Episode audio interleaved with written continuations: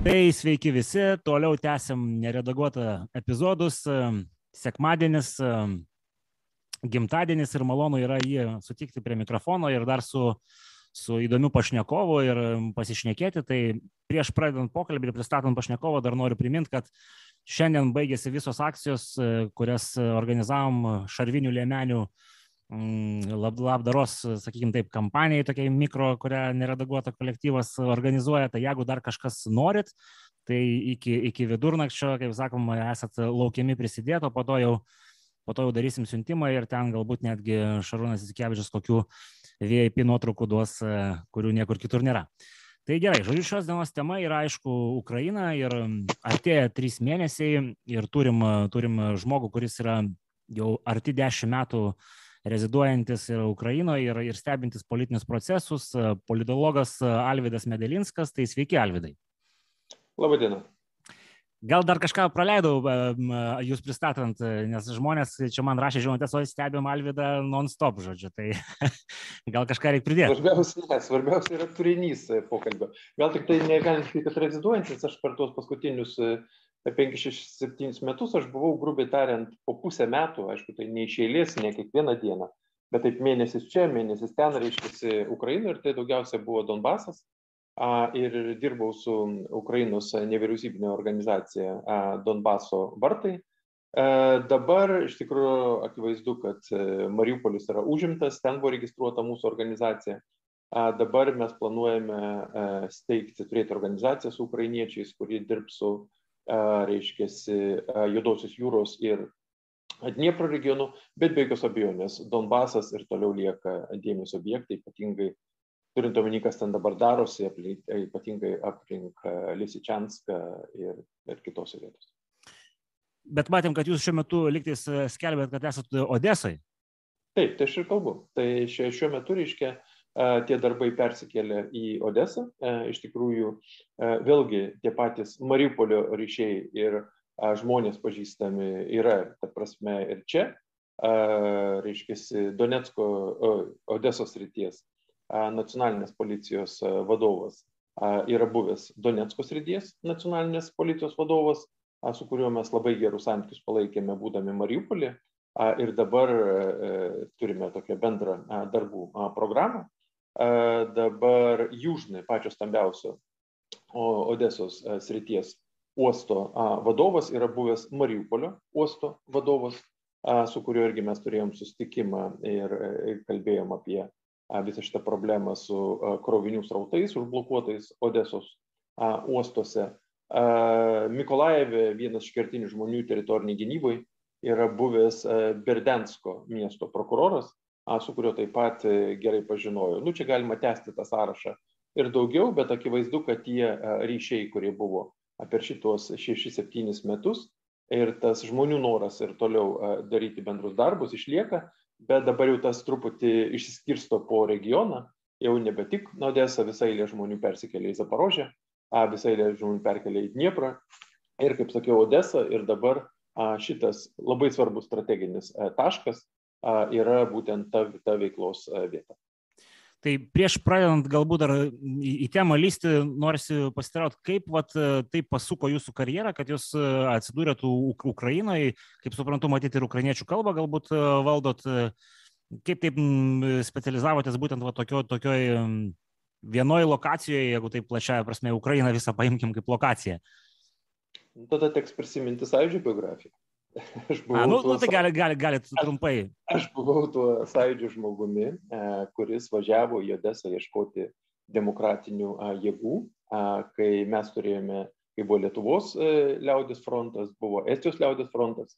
Iš pradžio aš nuvykau į Rygą, susitikau su žmogum, žurnalistu Dainiu Stevensu, kuris vėliau tapo Latvijos liaudės fronto vadovu, o paskui važiavau į Lvovą, net ne į Kievą, Lvovą, susitikau su disidentais, kiekvienas sąjūdžio iniciatyvinės grupės narys, kolega, pasakė savo kontaktus. Aš nuvažiavau ir vietoj kelių dienų išbuvau uh, du mėnesius. Per tą laiką mes surengėme uh, pirmą didelį mitingą uh, Lvovo uh, stadione. Uh, ir tame mitinge aš turėjau rankose ukrainiečių vėliavą, uh, kuri buvo tuo metu uždrausta. Ir tokių estų pavyzdžių, kokius estai mums parodė uh, Lietuvoje, ta prasme, aš laikiau tą vėliavą, kad nebūtų kokių represijų kitų, reiškia, mitingo organizatorių atžvilgių sakiau, kad žiūrėkit, čia yra Lietuvos vėliava, jinai dabar jau yra laisva, mes jau galime ją naudoti, o čia yra ukrainiečių vėliavos, kuriais partizanai kovojo ir panašiai. Ir visą eilę žmonių atsimena dar ne, tuos dalykus ir nuo to meto Ukraina man tapo pastovaus dėmesio centru ir iš tikrųjų šiandien gal net sunku įsivaizduoti, kad, pavyzdžiui, prezidento Valdo Damkaus metais, dar, dar čia iki oranžinės revoliucijos, kai buvo parengta užsienio politikos koncepcija, vėliau dar užsienio politikos koncepciją rengė Paulauskas, kai buvo laikinai einantis vadovas Lietuvos, Ukraina visiškai nebuvo šitoj koncepcijai pažymėta. Ir man teko, kai parlamento nariui labai stipriai spausti, kad jinai atsirastų, tai ta prasme, man Ukraina yra nuo 88 metų yra dėmesio laukia, o štai Donbasas atsidūrė tik nuo 2014 metų.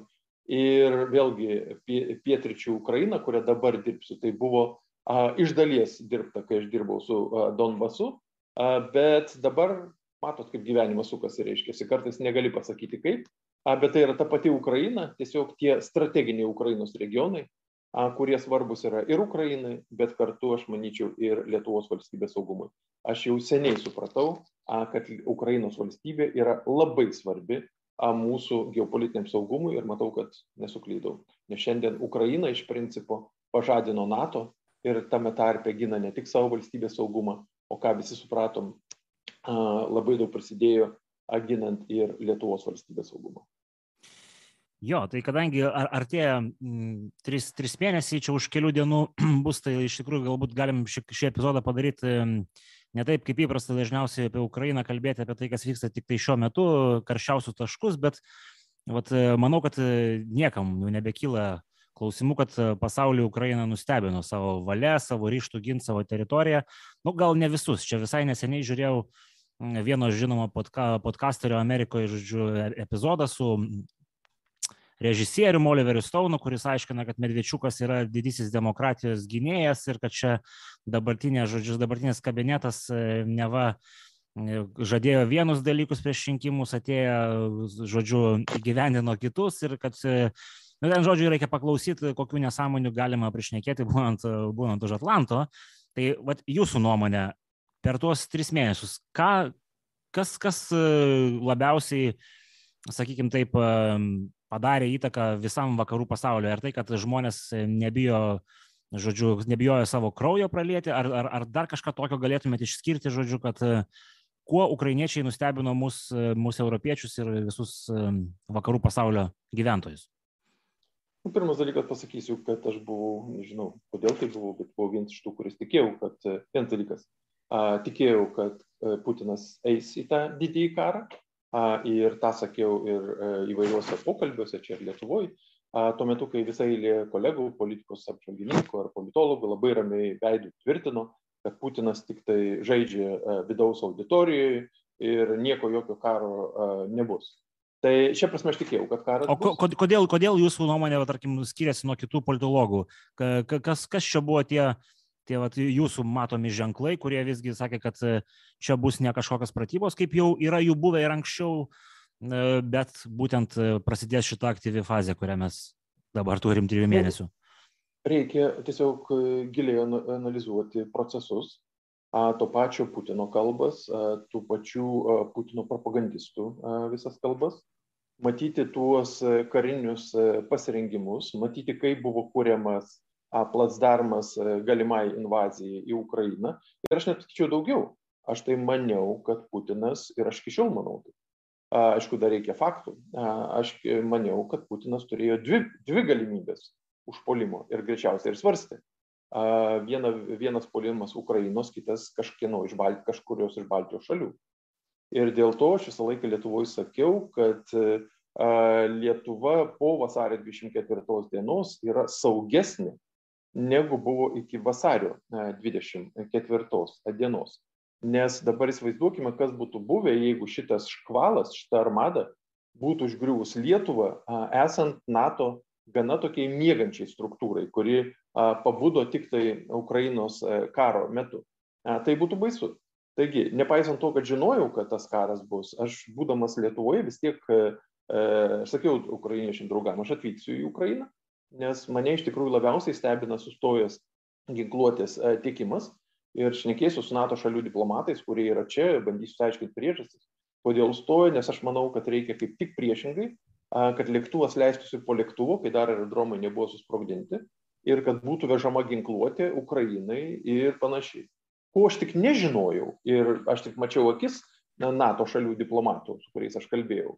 Aš nežinojau, kad panašiai kaip Rusija, taip ir vakarų šalis NATO galvojo ir nepasitikėjo Ukrainą ir galvojo, kad Ukraina sugrius per tris dienas. Tai va, tai čia, čia, čia, čia mes turim tą įžymųjį ambasadoriaus, Ukrainos ambasadoriaus pokalbį žodžiu, Vokietijoje su finansų ministru ar su kuo, kur ten sakė, mes jums tikrai, nu, jūs žlugsit per tris dienas. Tai, kai, tai kaip... dabar net nereikia ne, ne ambasadorius, yra daug rimtesnių, reiškia, ta prasme, žmonių. Nu, kiekvienas žmogus valdžios hierarchijoje yra stiprus, bet kai pripažino Amerikos kariuomenės vadas, kad jie mane, kad per tris dienas, reiškia, Ukraina sužlugs, tada aš supratau, kodėl ginkluotė nebuvo teikiama. Nu kam teikti ginkluotę, jei galvoti, kad a, sužlugs šalis. Tai dabar... Nu, bet Amerika, pavyzdžiui, aišku, pa, pavyzdžiui, Britai tiekė, tai jų matyt kažkokia kita buvo. Irgi sustojo. Irgi sustojo.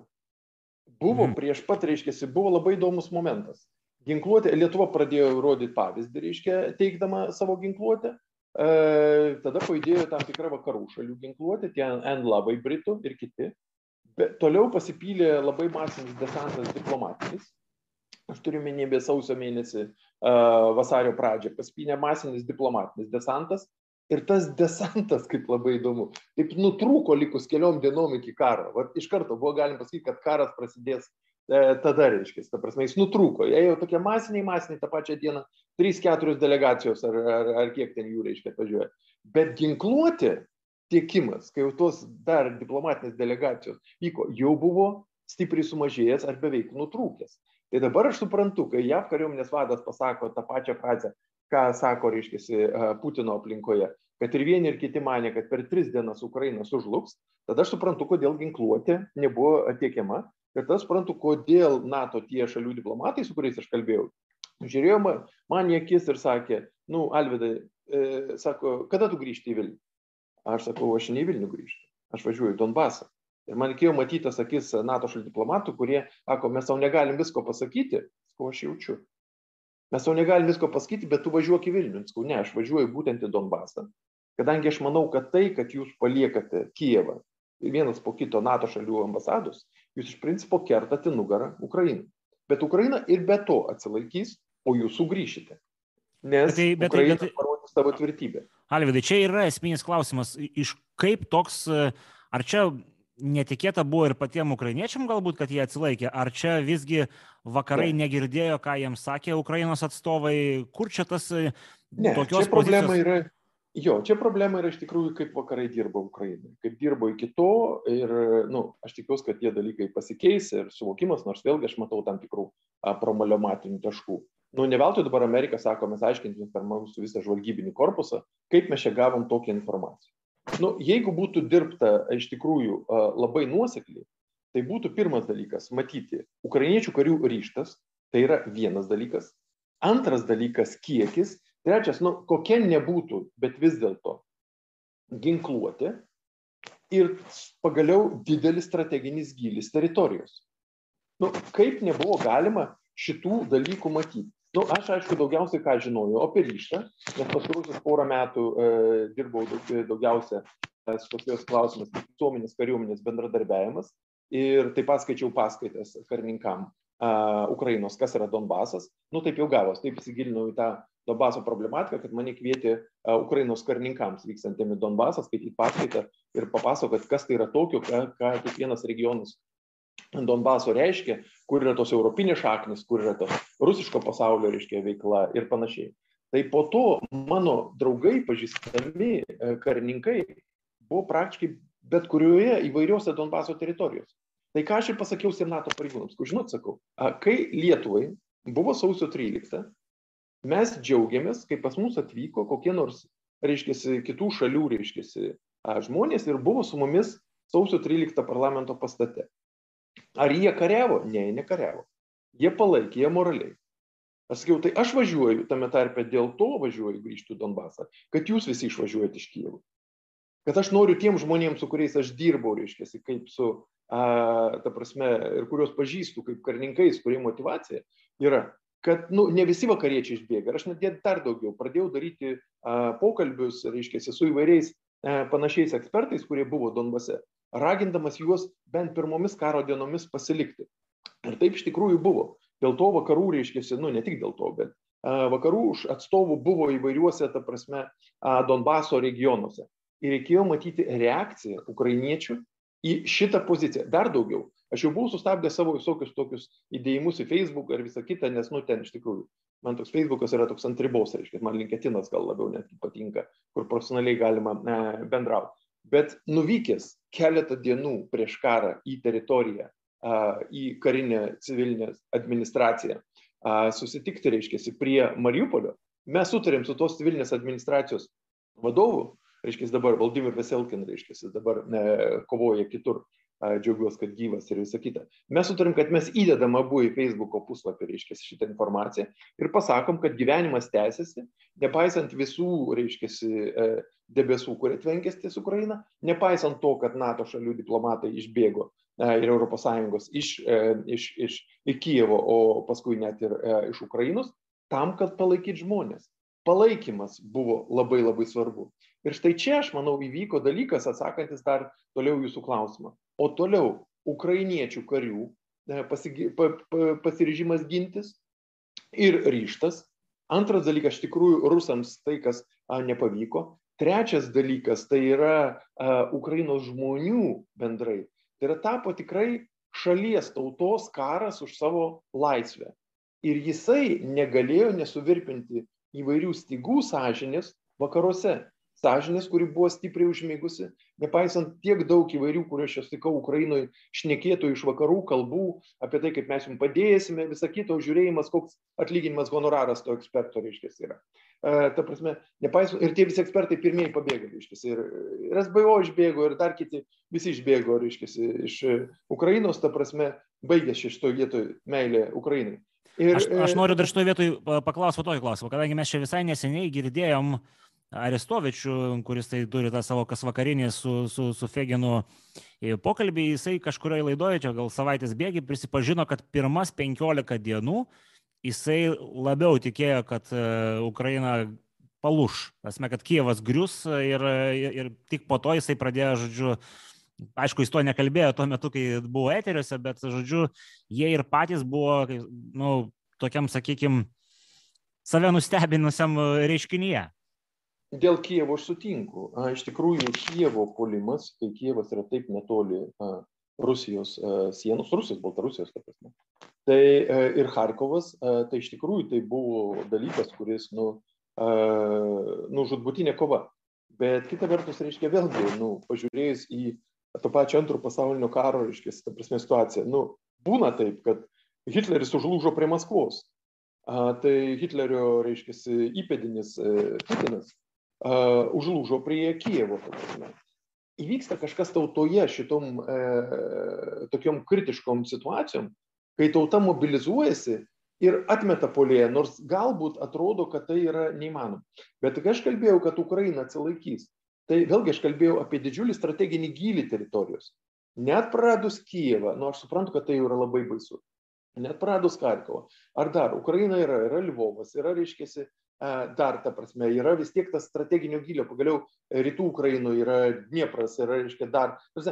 Ir yra šalis, ir dabar mes matom, daug matom palei Azovo jūrą, reiškia, eina ta raudona, reiškia, juosta ir gana neplona juosta dėja, jinai eina taip pat, reiškia, palei Donbasą, bet kai pažiūri visą Ukrainos valstybės teritoriją, tugi supranti, ta geltona spalva tiesiog akivaizdžiai krenta, lyginant su ta raudona spalva. Ukraina, kaip ir Rusija, nors, reiškia, dalykai yra skirtingi, bet geopolitinė prasme vis dėlto yra didelė valstybė su dideliu strateginiu gyliu, ko niekada neturėtų galimybės turėti Lietuva, būdama maža valstybė. Nu, Lietuvos karininkai sako, kad mes savo strateginį gilį turėtume skaičiuoti ne, ne, ne, ne tik Lietuvos teritoriją, bet visą europinę NATO dalį. Tai... Teisingai, kai NATO prabudo, taip. Bet pasižiūrėkime, kaip tai pačiai NATO reikėjo prabusti. Kiek laiko reikėjo prabusti. Reikėjo dar, kol tą strateginį gilį savino. Dabar aš tikiuosi, aš matau tą dalyką ir tas diskusijas, dėl diskusijos, dėl rytinio flango ir viso kito. Dabar svarbu tik tai, kad vėl NATO neužmigtų, reiškia, nu, tokie kaip mėganti gražuolė, Ukraina pažadino, dabar NATO pažiūrėjo, a, Ukraina ginasi, tai mes čia kažką gal duosime, jūs čia gal apsiginkit, visą kitą, ir gal vėl užmigsim, sakydami, kad Baltijos valstybės gal čia netaip svarbu, aiškiai gintis, nes dabar jau Rusija bus nukraujavusi, jau nebus tokia stipri. Čia mums, aišku, labai svarbu dabar, kad Suomija, Švedija, reiškia, įsijungia į NATO, kalbant apie Baltijos jūros jau saugumo dalyką. Bet dabar jeigu šito proceso, pavyzdžiui, nebūtų, o staiga... Nu, čia dar, aišku, anksti išnekė, dar reikia turkus perkalbėti. Nu, perkalbės, aš manau, suprantu, kad Erdoganas yra meistras išlūpti įvairius dalykus, kas jam yra naudinga, nepaisant visokių geopolitinių orientacijų ir visa kita, ir greičiausiai išlups ir pasieks tai, ko jam reikia, nors NATO tai bus skaudu ir NATO tai irgi bus tam tikras rėžis viduje, reiškia, nežinau kaip su tuo naikintuvų, reiškia, pirkimais, reiškia, būtų čia dabar su tais amerikiečiais ir viską, kai jisai turi tą rusiškas priešaketinės, tas priešlėktuvinės tas sistemas. Tai čia yra nu, kiti klausimai, bet faktas yra tas, reiškia, kad jeigu nebūtų Švedijos ir Suomijos NATO ir staiga, reiškia, vėl atsiranda Makrono kalba apie tai, kad gal atiduokit dalį teritorijų ir gal ieškokim čia kokių nors gražesnių dalykų, ten dar kokio nors, reiškia, e, vakarų šalių atstovų. Tai visiškai galimas dalykas, kad vėl NATO truputį primiktų, kalbant apie Baltijos valstybės ir mūsų saugumą. O mes vis tiek neturime kaip valstybė tokio strateginio gylio, kaip turi Ukraina. Ir būtent dėl to strateginio gylio tai buvo labai svarbus faktorius, kodėl Ukraina atsilaikė, be, vėlgi, kaip sakau, ukrainiečių karių motivacijos ir be to milžiniško tiesiog pakilimo Ukrainoje, kurį matau, tiesiog džiaugiuosi matydamas, reiškia, džiaugiuosi būdamas dalimi kažkiek tai galėtus prisidėti, matydamas aplinkui. Ta prasme, tai yra, tai yra kažkas neįtikėtino, tai yra, mes neturėjom to, sausio 13 buvo trumpai, čia vyksta dabar 3 mėnesius, reiškia beveik. Ir tas, na, nu, aišku, dar 8 metai hybridinio karo. Bet kai hybridinis karas buvo, tai Kijeve ir Lvovai nesijautė niekas. Aš grįždavau iš Donbaso, manęs klausdavo, ne tik tai a, diplomatai a, NATO ES valstybių Kijeve, bet netgi Ukrainos par, politikai, parlamento nariai klausė, Alvidai, kaip tam tavo Donbase viskas atrodo, reiškia, ta prasme.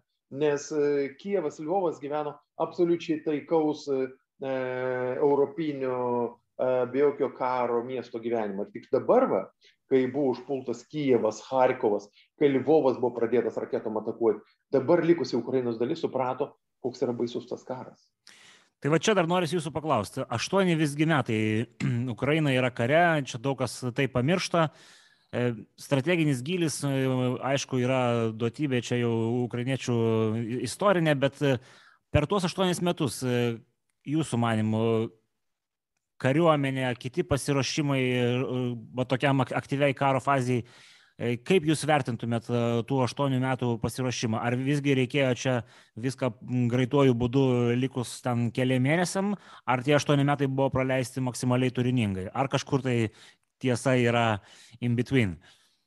Ne, tie aštuoni metai tikrai praėjo e, e, naudingai, aš turiu kalbant apie Ukrainos saugumo ir gynybos stiprinimą ypatingai aš kalbu apie parengimą, tai, ką mes matome, apie Ukrainos kariuomenės taktinius momentus, reiškia, kaip jie atsitraukia nuo to rusiško mentaliteto, rusiško mąstymo, kaip kariuomenė, reiškia, veikia. Čia, aišku, geriau gynybos ekspertai kalbėtis. Bet akivaizdu, kad ir tas dalykas, ką ir Lietuva darė, ta Javorivo stovykla, reiškia, Lvovos rytyje. Ir kitur tai buvo labai svarbu, bet tiesiog vakarų pagalba Ukrainai buvo kaip vienas sparnas Ir va tas antras sparnas, e, ukrainiečiai patys kompensavo savo ryštų, reiškia, ir Ukraino žmonės su... Alvidai, aš jūs biškai pertrauksiu. Aš jūs truputį pertrauksiu. Jeigu jūs įsikištumėte ir antrą ausinę, tai mes to trukdžio neturėtume garso, kuris e, neseniai kažkur tenais, e, o dabar, manau, bus, bus, bus geriau. Jo, tai galim tęsti stovykla, kai pabaigėte stovyklą lietuvių, kuri buvo ruošiami. Tai, tai tas, jo, tai ten ne tik lietuvų, reiškia, ten amerikiečiai, kanadiečiai, lietuviai, lenkai, ta prasme. E, tai e, britai. E, tai ta prasme, Javrivo stovykla ir kitos panašios e, suvaidino savo vaidmenį labai stiprų, a, parengiant e, Ukrainos karius, reiškia, a, kalbant apie kariavimo taktiką, a, reiškia, ten taktinius žingsnius e, mūšio laukia, a, kaip geriau atakuoti, kaip bet aišku, ukrainiečiai pridūrė ir savo. Bet, bet Alvidai, čia profesion, dėlto... profesionalus, aš kaip suprantu, ruošia, o, o, o teritorinė gynyba buvo su, su, sukonstruota likus e, mažiau laiko. Tai teritorinė gynyba iki šiol yra, nu dabar jau praėjus trim metam jau yra e, pajudėjimo. Teritorinė gynyba iš tikrųjų buvo a, labiau entuzijazmas negu e, karinis vientis ir net kai kurie a, kariuomenės nacionalinės gvardijos atstovai, neįžeidžiant tų žmonių, kurie darė teritorinės gynybos, ar miestuose, ar kaimuose, sakė, nu, kad kartais, sako, su mums jis yra ir truputį problemų, reiškia, nes e, kontaktavimas yra labai sunkus ir jie ten suraiko žmonės kažkokius, mums ten reikia įsikišti, aiškinti ir sako, bet to į ginklus turi, tai gal nelabai įsigilinę, kur kas stovi, jie gali tą automato seriją paleisti ir juo labiau nelabai jie moka tų, jeigu ten kokie dar rimtesni jau ginklai pradeda eiti, naudoti. Bet matom, situacija iš tikrųjų pajudėjo. Teritorinė teritorinė gynyba iš tikrųjų iki šiol yra, nes dabar, va, pavyzdžiui, esu Odeso ir mes kalbam apie tos dalykus, teritorinė gynyba iki šiol dar yra struktūra, kuri nėra taip pilnai integruota, pavyzdžiui, kaip kokia nacionalinė gvardija, kur buvo tie patys batalionai irgi kažkada, tai, e, reiškia, 2013-2014 metais sukurti savanorių batalionai, kurie turėjo laiko praeiti, kol jie integravosi normaliai į visą e, sistemą. Jeigu aš teisingai suprantu, čia nacionalinė gvardija panašiai kaip mūsų kaspas, o teritorinė gynyba kažkas kažkas kaip mūsų šauliai. Nu, kaip mūsų šauliai, bet sakykime taip, mūsų šauliai tai jau rengėsi tokiam dalykui. O čia iš tikrųjų, va taip nukrito ant galvos, buvo duotas įsakymas, aš Mariupoliu žinau situaciją daugiau, o paskui Mariupolis buvo kritikuotas. Buvo duotas nurodymas valdžiai, jūs organizuokit tuos, nusiųstas, reiškia, kariuomenės žmogus, kuris tipo turi organizuoti, buvo, pavyzdžiui, situacija Mariupolį, kur tas kariuomenės žmogus nelabai turėjo ryšių su vietos valdžia, o vietos valdžia nelabai turėjo poveikį tiems, kurie patriotiškai galėtų įsijungti į tuos dalykus. Tai man net kultūros sferos žmonės iš teatro, buvęs vienas režisierius, pasakojo apie situaciją, kur sakė, nu, sakė, nesusikalbama. Ir paskui prezidentas Zelenskis atvažiavo ir pasakė iš tikrųjų, kad, nu, Mariupolį kažkas tai darosi, nu, neiškaus. Ir čia buvo viena iš priežasčių, kodėl, pavyzdžiui, Mariupolį Azovstalio gynyba ir visa kita, tai buvo jungtinės visų pirma valstybinių struktūrų reiškia misija. Tai yra Azovas jau kaip nacionalinės gvardijos, tai yra, reiškia, desantininkai, tai yra policijos žmonės, tai yra pasieniečiai ir panašiai. Ir net teritorinės gvardijos gal buvo mažiau, reiškia, taip sakykime, nes ne visur jie buvo pakankamai sformuoti. Dabar jau, kai skaitau, kad į Harkovo frontą teritorinė gvardija eina, tai aš nu, labai tikiu, kad jau tai yra parengta teritorinė gvardija, kurią tą patį savanoriai, skaitant ir Lietuvos savanorius, aprūpino, reiškia, šarvuotam lemenėm, šalmais, reiškia, nakties matymo priemonėm ir visais kitais dalykais. Ir aš tikiu, kad dabar jau tie teritorinė gynyba, tai nėra ta patrankų mėsa, kurie ateina iš rytų, iš tų vadinamųjų separatistinių respublikų, kur tiesiog pranešama apie tai, kaip orkestras tiesiog žūna, reiškia, dirigentas, smūkininkas, dar tai niekas nepaklausė. Tiesiog paėmė visus, reiškia, menininkai, e, ta prasme, paima ir viskas, ir pasiunčia. Čia jūs kalbate apie, apie rusišką pusę Donba, Donbasą. Apie tą dus, e, tai be jokios abejonės, aš kalbu apie separatistinės tas mhm. respublikas. Ir o ukrainiečiai man pasakojo, kad dar buvo ryšys su Azovstaliu. O Kalvidai sako, tu nepatikėsi, sako, aš skaičiau, sako, informaciją apie tai, kaip, reiškiasi, vokiečiai, šitie, reiškiasi, rusai eidavo prieš vokiečius. Ir kai sakėme, vokiečiai rašo, kad siena guldo ir toliau siena auga. Ako, aš, ne, aš nemaniau, kad dabar toksai dalykas. Ako, mes juos kulkosvaidžio seriją kalame, o ten toliau eina. Ir matos, kad jie kai kurie blaškosi, bet jiems už nugaros eina su pistoletais, ta prasme. Ir sako, mes juos klojame. Ir tokie, nu, sakė, faktas, ką mes sakom apie kiek yra žuvusių Rusijos karių, tai neįskaito, kiek yra žuvusių šitam vadinamu iš tų separatistinių respublikų, nes ten jau reikia nuvažiuoti tą regioną ir paskaičiuoti tos skaičius. Štai dėl ko dabar, kai paaiškėjo, kad Rusijos viena iš taktikos, nu, aš jau prieš savaitę tą sakiau, dabar jau tas aiškėja, kad vienas iš esminių taškų, reiškia, yra paimti Severodonetską, net ne Lisičianską, nors tai yra miestai, kurie dviniai, vienas šalia kito. Ten yra keturi miestai, reiškia, Rubežna Kriminaja, Severodonetskas ir Lisičianskas. Tai du Rubežna Kriminaja paėmė, reiškia, rusai ir, reiškia, šitie separatistai, o buvo likęs Severdonetskas, reiškia, ir Lisičianskas. Tai juos tiltas tik tai jungia, bet tai yra, nu, tiltas per upę ir tai yra du miestai visai greta, tik ant skirtingų kalvų stovintis, ta prasme. Štai kodėl o Severdonetskas buvo administracinis centras Luhansko srities. Dabar metė į, reiškiasi, į ataką Wagnerio, reiškiasi, reiškiasi publiką, kad iš tikrųjų padaryti operaciją ir pabandyti apsupti šitą Severdonetską ir kad paskelbti, kad Severdonetskas yra paimtas. Putinui labai svarbu pateikti tai kaip pergalę. Bet čia yra priežastis, kodėl nebe jau tik tai separatistų tie mobilizuotų žmonės, kurie buvo tik patrankomose tiesiog. Jo, tai čia, čia, čia iškyla daug tų klausimų, kai, kai, kai mastai apie pasiruošimą. Vienas iš tokių neigiamų aspektų, kuris nu, nuolat, nuolat akcentuojamas, jūs matyt galėsite čia apšviesti, kad Ukrainoje, kai kalbama iš neigiamos pusės, visai kai akcentuojama korupcija.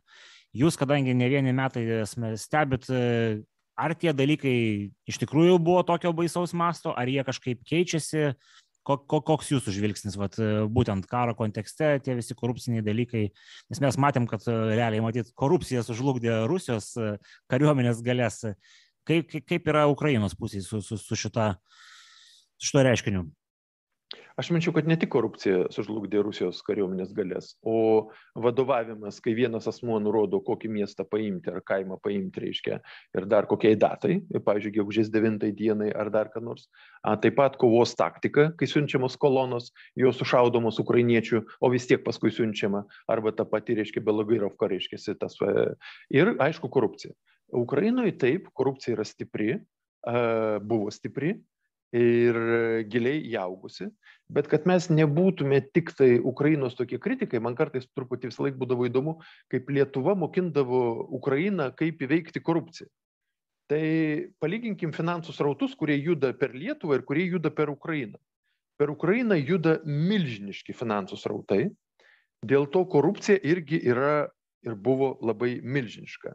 Per Lietuvą juda mažesni finansų srautai, Tai jūs sakote, kad procent, procentaliai tie, tie lygiai yra panašus.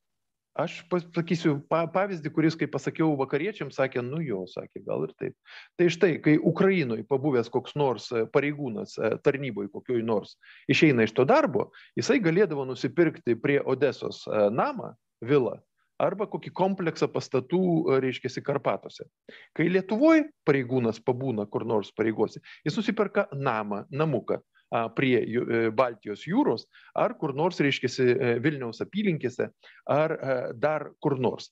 Tiesiog finansiniai srautai yra skirtingi. Ir ne Lietuvai mokyti, kaip įveikti korupciją, ir ne Lietuvai mokyti, kaip pamokyti, kad valstybės aukščiausi pareigūnai nesikištų į teisės saugos darbus. Nes Lietuvoje užsakomosios teisės saugos yra ne mažiau negu jos buvo Ukrainoje, ta prasme, kur reikia ką nors sunaikinti, sutvarkyti ir panašiai tai ukrainoj tiesiog aš labai nenorėčiau kad pavyzdžiui lietuva atsidurtų dabartinėj savo situacijoj su iššūkiais ateinančiais iš pavyzdžiui va tokia kaip rusijos karinė armada lietuvoje yra labai daug gerų policijos pareigūnų, prokuratūros pareigūnų, teisėjų, STT ir visa kita. Tarsi, bet mes kalbam apie sistemą, ar reiškia dėja. Tai Ukrainoje irgi, kaip man teko bendrauti, aišku, visų pirma, Donbase ir su prokurorais, kurie pakankamai atsidavę, ir su policininkais, reiškia, nors ant tų policininkų daug kas, reiškia, ten kaltino visokiais dalykais. Ir teisėjais, ir kitais, matai labai daug žmonių gerų. Bet kalbam apie sistemą. Tai dabar korupcija be jokios abejonės niekur nedingsta. Kita vertus reikia pasakyti, kad su korupcija yra tokia problema, reiškia, kad kai vakarai nenori ko nors matyti prieartėjusių prie ES, jie baksnuoja į korupciją. Klausimas, ar Rumunijoje korupcija yra mažesnė negu Ukrainoje? Ir čia atsakymas taip, iš pradžių Rumunijoje buvo išvelgta korupcija, ar Bulgarijoje. Tada pasakė, kad jūs spręskite, tada kažkoks gurų nusprendė, kad ta korupcija yra įveikta, nors man pasakojo, kad ta korupcija ten ir toliau yra. Bet tai yra valstybės Europos Sąjungoje. E, Ukrainai, kai kas nors norėdavo ką nors pasakyti, kad jūs čia per daug neturėkite vilčių, kad mes jūs čia priimsim į ES, taip pat būdavo galima bakstelėti į korupciją ir iš tikrųjų neapsiriksi, bakstelėsi ir taip. Bet Ukrainoje buvo priimta visa eilė įstatymų antikorupcinių, kuriuos daug dievė, kad Lietuvoje būtų kalbant apie visuomenės ir piliečių dalyvavimą korupcijos įveikime. Duok Dieve, kad Lietuvoje a, taip a, būtų. A, ir reiškia vienas dalykas, bet kitas dalykas, korupcija liko ir netgi, kai dabar yra humanitarinė pagalba, dėja irgi pasirodo informacijos apie tai, kaip ta humanitarinė pagalba kažkur pakliūna į a, korupcijos a, žabangus. Kadangi jau paminėjot e, čia kelias ES valstybės e, ir patį, patį faktą, kad Ukrainai yra nuolat prikišama, buvo prikišama bent jau tie dalykai, kaip jums atrodo, pagrindinis, e, nes mes girdim, kad procedūros yra procedūros, integracija, žodžiu, Ukrainos gali užtrukti iki dešimt metų. Koksai, kokie, koks yra pagrindinė, kokia pagrindinė priežastis ES, sakykime taip, gal centro to uh, brandolio valstybių Ukrainos, nu, tokiam, sakykime, vilkinime, gal taip išsireiškim, jos prie, prieimimo į ES. Ar čia pagrindinė baimė yra ta, kad įsilėjus tokio didžio valstybei su tokiu kiekiu žmonių, galios centras Europai persiskirstytų, ar, ar kažkokie kiti dalykai? Būtent tas pats didelis strateginis gilis, kuris yra labai naudingas Ukrainai, kalbant apie Rusijos armados atmušimą. Uh, yra problematinis taškas Ukrainai įsilieti į ES ir tai yra faktas, iš tikrųjų tą reikia turėti omeny, nes ES turėjo patirtį, kai ją įsiliejo tokius didelės valstybės kaip su tiek žmonių skaičium kaip Lenkija, kaip Rumunija, kaip Bulgarija. Ir, nu, kokios tai problemos. Akivaizdu, kad tai pačiai Ukrainai būtų reikėję ir net iki karo būtų reikėję labai didžiulį ES biudžetą, įskaitant, aišku, ir Lietuvos mokesčių mokėtojų pinigus, skirti tam, kad tas lygis, nu, bent kažkiek pauktų iki ES, nu jeigu ne iki vidutinio lygio, tai bent iki ES žemiausio valstybių lygio. Dabar situacija yra keičiasi, nes iš principo e, visam pasaulyje yra suvokta, kad Ukraina kovoja ne tik už save, bet ir už Europos e, saugumą, nes nedaug dievė tokia armata e, būtų pradėjus klebinti NATO ar ES valstybių duris, kas toliau būtų buvę, tai iš tikrųjų, dar manau, čia daug kas kalbės, iš tikrųjų, ar Putinas teisingai padarė savo, žvelgiant savo vizijos įgyvendinime, kad pirmą paklibino Ukrainą, o ne ES ar NATO kokią maž, mažesnę narę, ta prasme, ir kad nepabandė įrodyti, kad ES NATO taiga griūna, nes nepaėgė ginti e, savo šalies, e, savo kokios nors narės, reiškia. Tai šia prasme dar matysis tie visi, reiškia, situacija. Bet kas dabar yra nauja, tai yra tai, kad Ukraina yra tiesiog greunama, niokojama, yra žiauriai e, greunama, niokojama ir iš principo reikės kalbėti apie Ukrainos atstatymą. Štai čia, jeigu ES bėgs į krūmus, tai čia bus iš tikrųjų labai negeras, e, būtų labai e, negeras dalykas. Aš manau, kad iš tikrųjų reikalingas, nepaisant kokios tai lėšos bus e, Ukrainos atstatymo planas. Gerai dabar, kad atskiros šalis čia atskiras sritis pabando atstatyti, bet Rus, Rusijos raketos dėl to, kad vakarai nedavė prieš raketinės sistemos Ukrainai, daužė visą pramonę, geležinkelius, tiltus ir iki šiol daužo, ta prasme. Tai iš principo naikina šalį. Reiškia, 50 procentų Ukrainos ekonomikos, ta prasme, nukrito. Nu, tai akivaizdus dalykas. Tai šia prasme mes jau turėsim situaciją ne tai, kad ES šalis turėtų duoti Ukrainai perskirtinti lėšas ar dar kaip nors dėl to, kad paremti vieną ar kitą sektorių, kuris gali būti, kad buvo net kažkuria prasme įdingai vystomas, reiškia, nu, dėl įvairių ten priežasčių, ta prasme, dar tas sovietinis mentalitetas sakyta.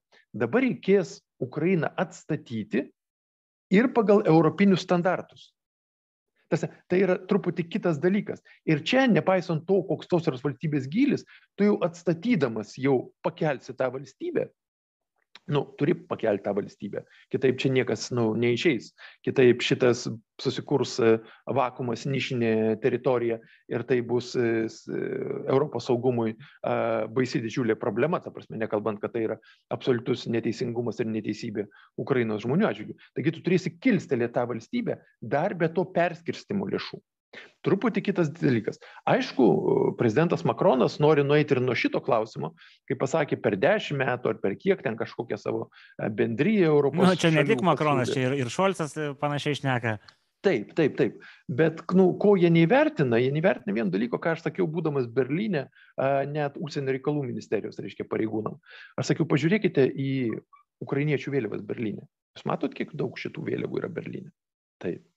Jūs matot, kas daros pasaulyje su Ukrainos vardu, Ukrainos vėliava? Taip. Ar jūs žinot, kokiam e, prezidentui gyvam a, yra jau aikštė Berlyne? Žiūri mane. Sakau, Zelenskio aikštė prie Rusijos ambasados. Tai ar jūs suprantat vieną dalyką, kad šiandieną, čia dar nebuvo taimo šito e, sprendimo dėl įtakingiausias žmogus, ar jūs suprantat, kad šiandieną prezidento Zelenskio, o gal net kai kurių jau jo aplinko žmonių balsas šiandien gali būti morališkai stipresnis negu kai kurių jūsų aukštų politikų balsas. Ta prasme, jūs supraskite, kad prezidento Zelenskio balsas jau gali būti poveikis netgi, kur jūs sudės. Ir čia, sakau, yra priežastis. Kodėl? Tuo metu tai buvo situacija, kur Vokietija sakė, ne, ne, mes, nu, dar žiūri, kaip čia teikti, neteikti tą ginkluotę, ten pateikė keltą tokio sovietinio tipo, reiškia, ginkluotės ir panašiai. Sakau, ir čia yra priežastis, kodėl greičiausiai jūs teiksite šitą ginkluotę. Nes kai prezidentas Zelenskis, o čia yra ne tik jėgos ir karinės jėgos klausimas, bet ir moralinės jėgos klausimas. Užmirškite tą laiką, kai aš pats irgi buvau kritiškas prezidento Zelenskio atžvilgių taiko sąlygom.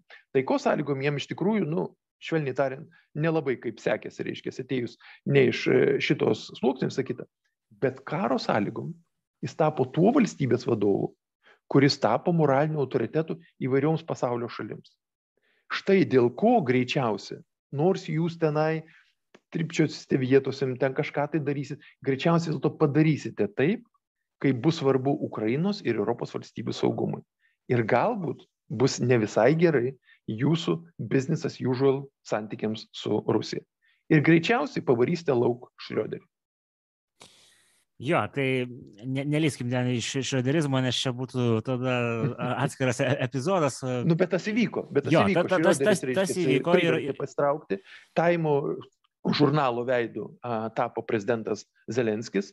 Ir visa tai, kas čia vyksta tose sprendimuose, Prancūzijos, Vokietijos ir kitų, aš matau tokį stumk trauk situaciją. Jo, bet čia... Ta prasme, čia jūs traukia ką... toliau prie Rusijos.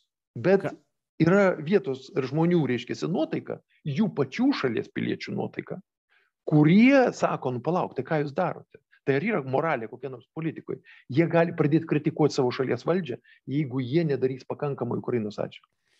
Jo, tik aš čia norėjau pridėti, kad e, mes e, vokiečius konkrečiai galėsim pasveikinti tada, kai jie pradės krapštyti ne tik Šrioderį, kuris jau yra ancient history iš principo, bet kai jie atsigręš į Merkel ir įvardins tas klaidas, kurias padarė ilgametė kanclerė ir nes realiai jos pastangom buvo galima išvengti šito konflikto ir, ir, ir tai dėja neįvyko. Aš tiesiog noriu pakalbėti dar apie vieną mitą, kuris, manau, kad jūs jį galėsit kažkaip tai dešifruoti. Tai tas Ukrainos dvilypumas ir rusakalbė Ukrainos dalis, ukrainakalbė Ukrainos dalis, ką jūs išvydote per pastarosius aštuonis metus, per, per pastarosius tris mėnesius, ar dar yra kažkoks skirtumas tarp, tarp Ukrainos? Ne. Čia, čia, ir, čia yra dalykas. Jau per tuos aštuonis metus, ne iš karto, bet jau buvo dalykai, kurie nu, tikrai veikia. Važiuoji į Dnieprą, važiuoji į Harkivą ir tu matai ukrainietiškas vėliavas. O žmonės kalba visiškai uh, rusiškai. Odeso irgi taip pat e, žmonės kalba rusiškai. Bet labiausiai mane pritrenkė Zaporožėje, kai aš buvau gegužės 9 dieną. Prieina veteranas, čia buvo 2017 metai, gal 18. Prieina veteranas, apsi, čia pilna tų ordinų, krauta, nu, matos, reiškia, žmogus gerbiamas ir aišku, iš sovietinės valdžios buvo gerbtas ir panašiai. Ir jisai prieina, sako, o palauk, tu čia kažkaip kalbi, sako, tu čia matyti ne, ne vietinis, ne vietinis, iš Lietuvos. Ir dar tas buvo lūžio situacija, kai aš galvojau, kad čia reiškia, e, nu, sakys, a, čia ta NATO, čia ta jūsų, čia dar, čia visa kita. A, jis pasiveda mane į šoną nuo savo tos dar grupelės, kuri buvo. Ako, klausyk, sako, man pasakyk, kada mūsų, sako, į NATO gali paimti. Ako, tie dar nesupranta. Aš jiems aiškinu, nuolat reiškia, kad šito reikia.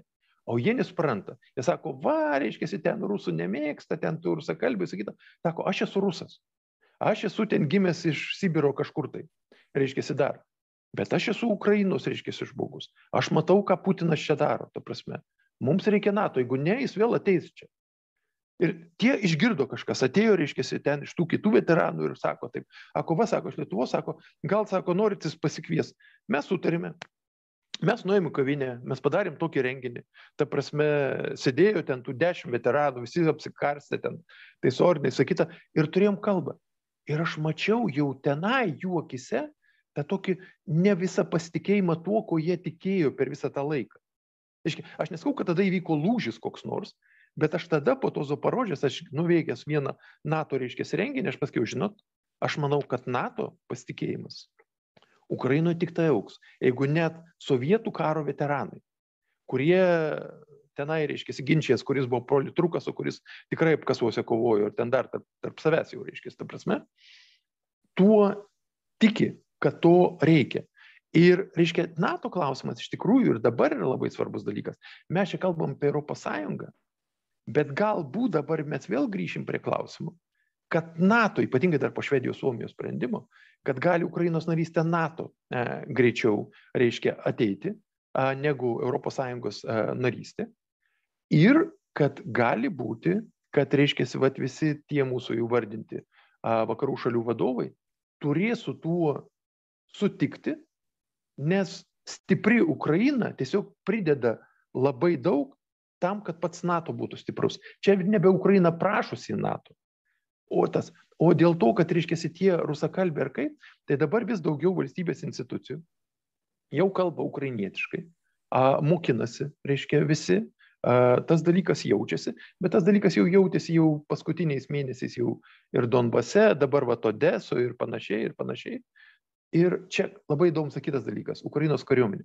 Va čia jeigu kas nors pažiūri video siužetus reiškiasi, kur ukrainiečiai, tas pats Azovas, Azovstalija, ar dar kas nors kovoja. Ką jie girdi?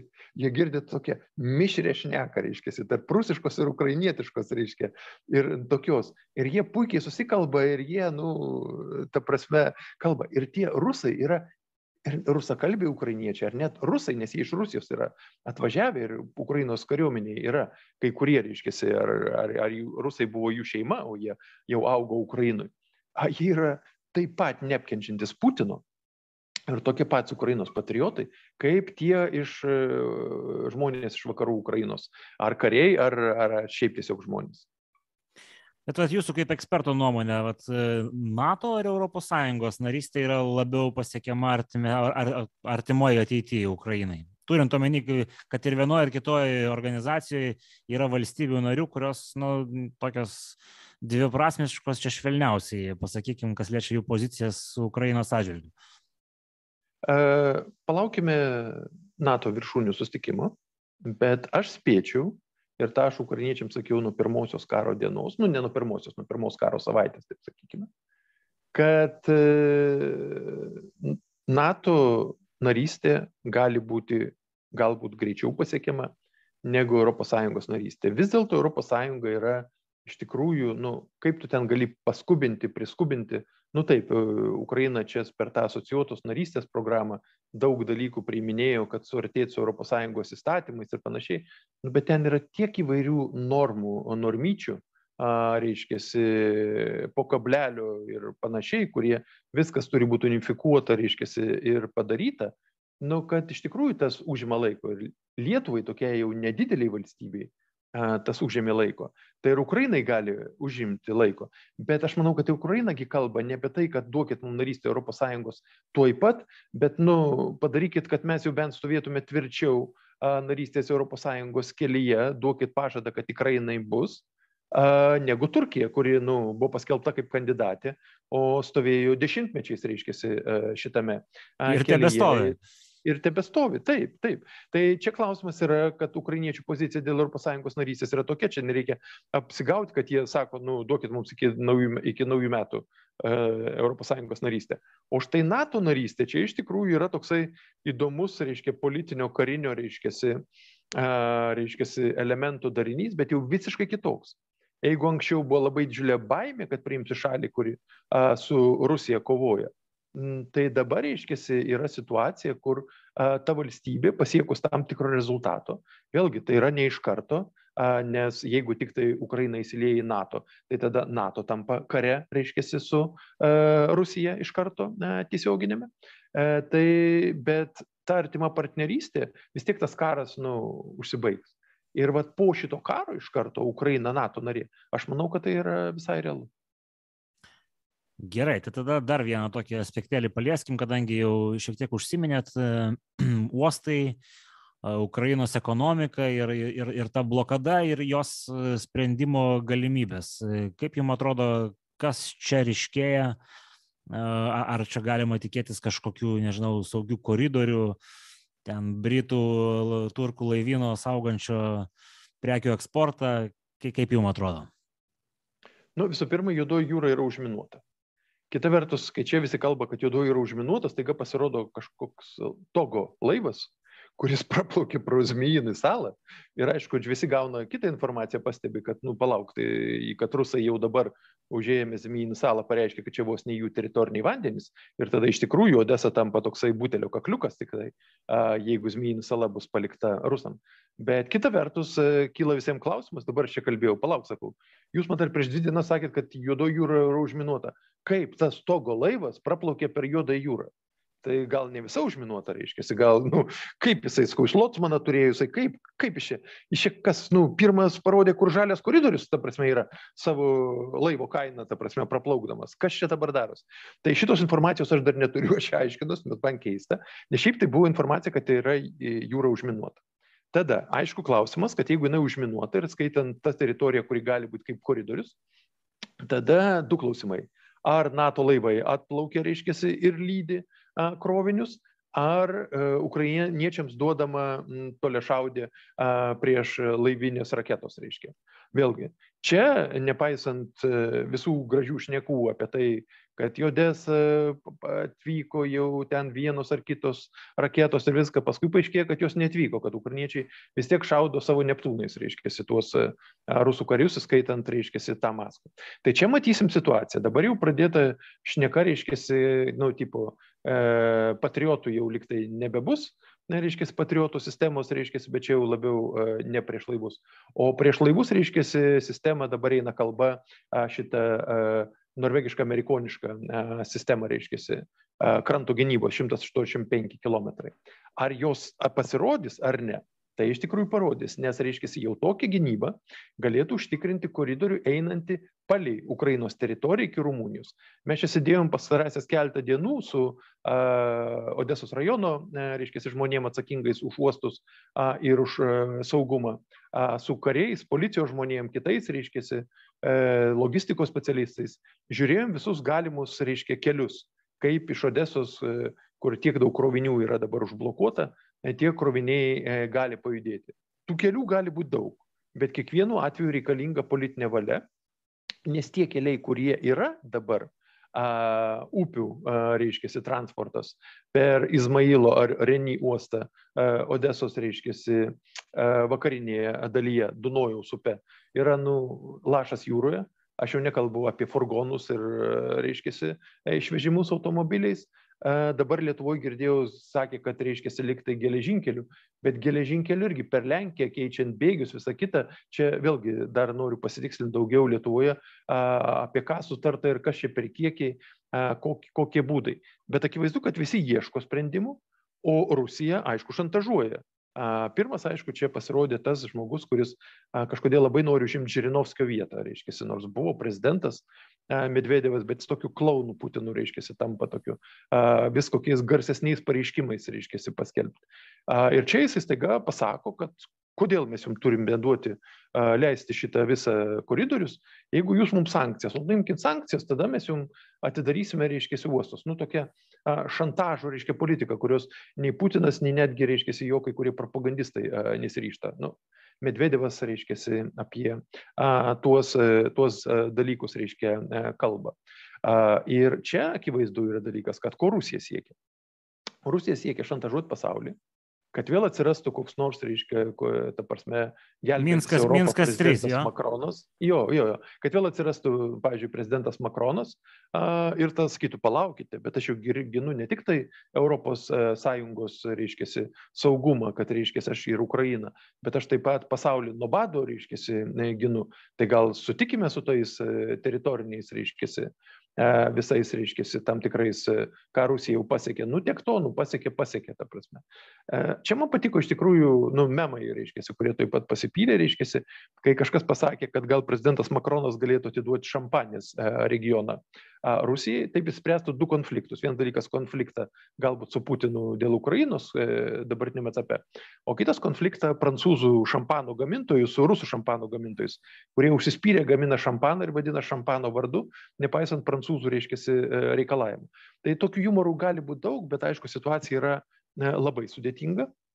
Ir mes matysime po kiekvieno žingsnio, kokiu keliu vakarai gali. Esminis dalykas yra tai, pavyzdžiui, ir čia jaučiu, kad irgi prisidedu iškai prie šitų dalykų, e, bendraudamas ir su NATO šalių diplomatais, a, tai yra žinoti visą galimą logistiką, a, bendrauti su visais galimais ekspertais čia regione, kurie pajudėjus dalykams viena ar kita linkme galės pasiūlyti sprendimą, kaip iš tikrųjų galima atblokuoti uostus. Bet pirmą reikalinga politinė vakale, valia vakarų arba ginkluotės klausimų, ar tam tikrų susitarimų, reiškia, su Rusija, bet aišku, neliečiant Ukrainos teritorinio vientisumo. Gerai, Arvidai, tai pačiai pabaigai noriu paklausti e, klausimo, kur nežinau, ar jūs galėsit išsiplėsti, jeigu negalėsit, e, tai neišsiplėsim, bet visi čia, kurie klausė skirtingose platformose, aišku, neapseita buvo apie Azovo gynėjų klausimą. Kokia yra situacija jūsų akimi žiūrint ir ar apie ją, ar apie ją galima kalbėti duotuoju metu, gal pradėkime nuo tokio klausimo. Tai čia yra dalykas. Aš galėčiau įsiplėsti, jeigu aš dabar vat, sėdėčiau kokiam nors draugų būryje, ne viešoje erdvėje ir dėliočiau visus pliusus, minususus, kas padaryta ir visa kita. Bet aš girdžiu, kaip ir Ukrainoje kalba ir valdžios atstovai, ir Lietuvoje. Irgi kai kurie vyriausybės nariai sako, kad, na nu, gerai, gal mes čia nekalbėkime, neraginkim, pažiūrėkime ir panašiai. Tai aš irgi esu linkęs daryti pauzę, nors savo minčių tuo klausimu turiu ir nu, vienas iš jų yra būtent ta pati, kad aš buvau Berdenskė per a, visą šitą, nu ne visą, per pirmąjį okupacijos a, mėnesį.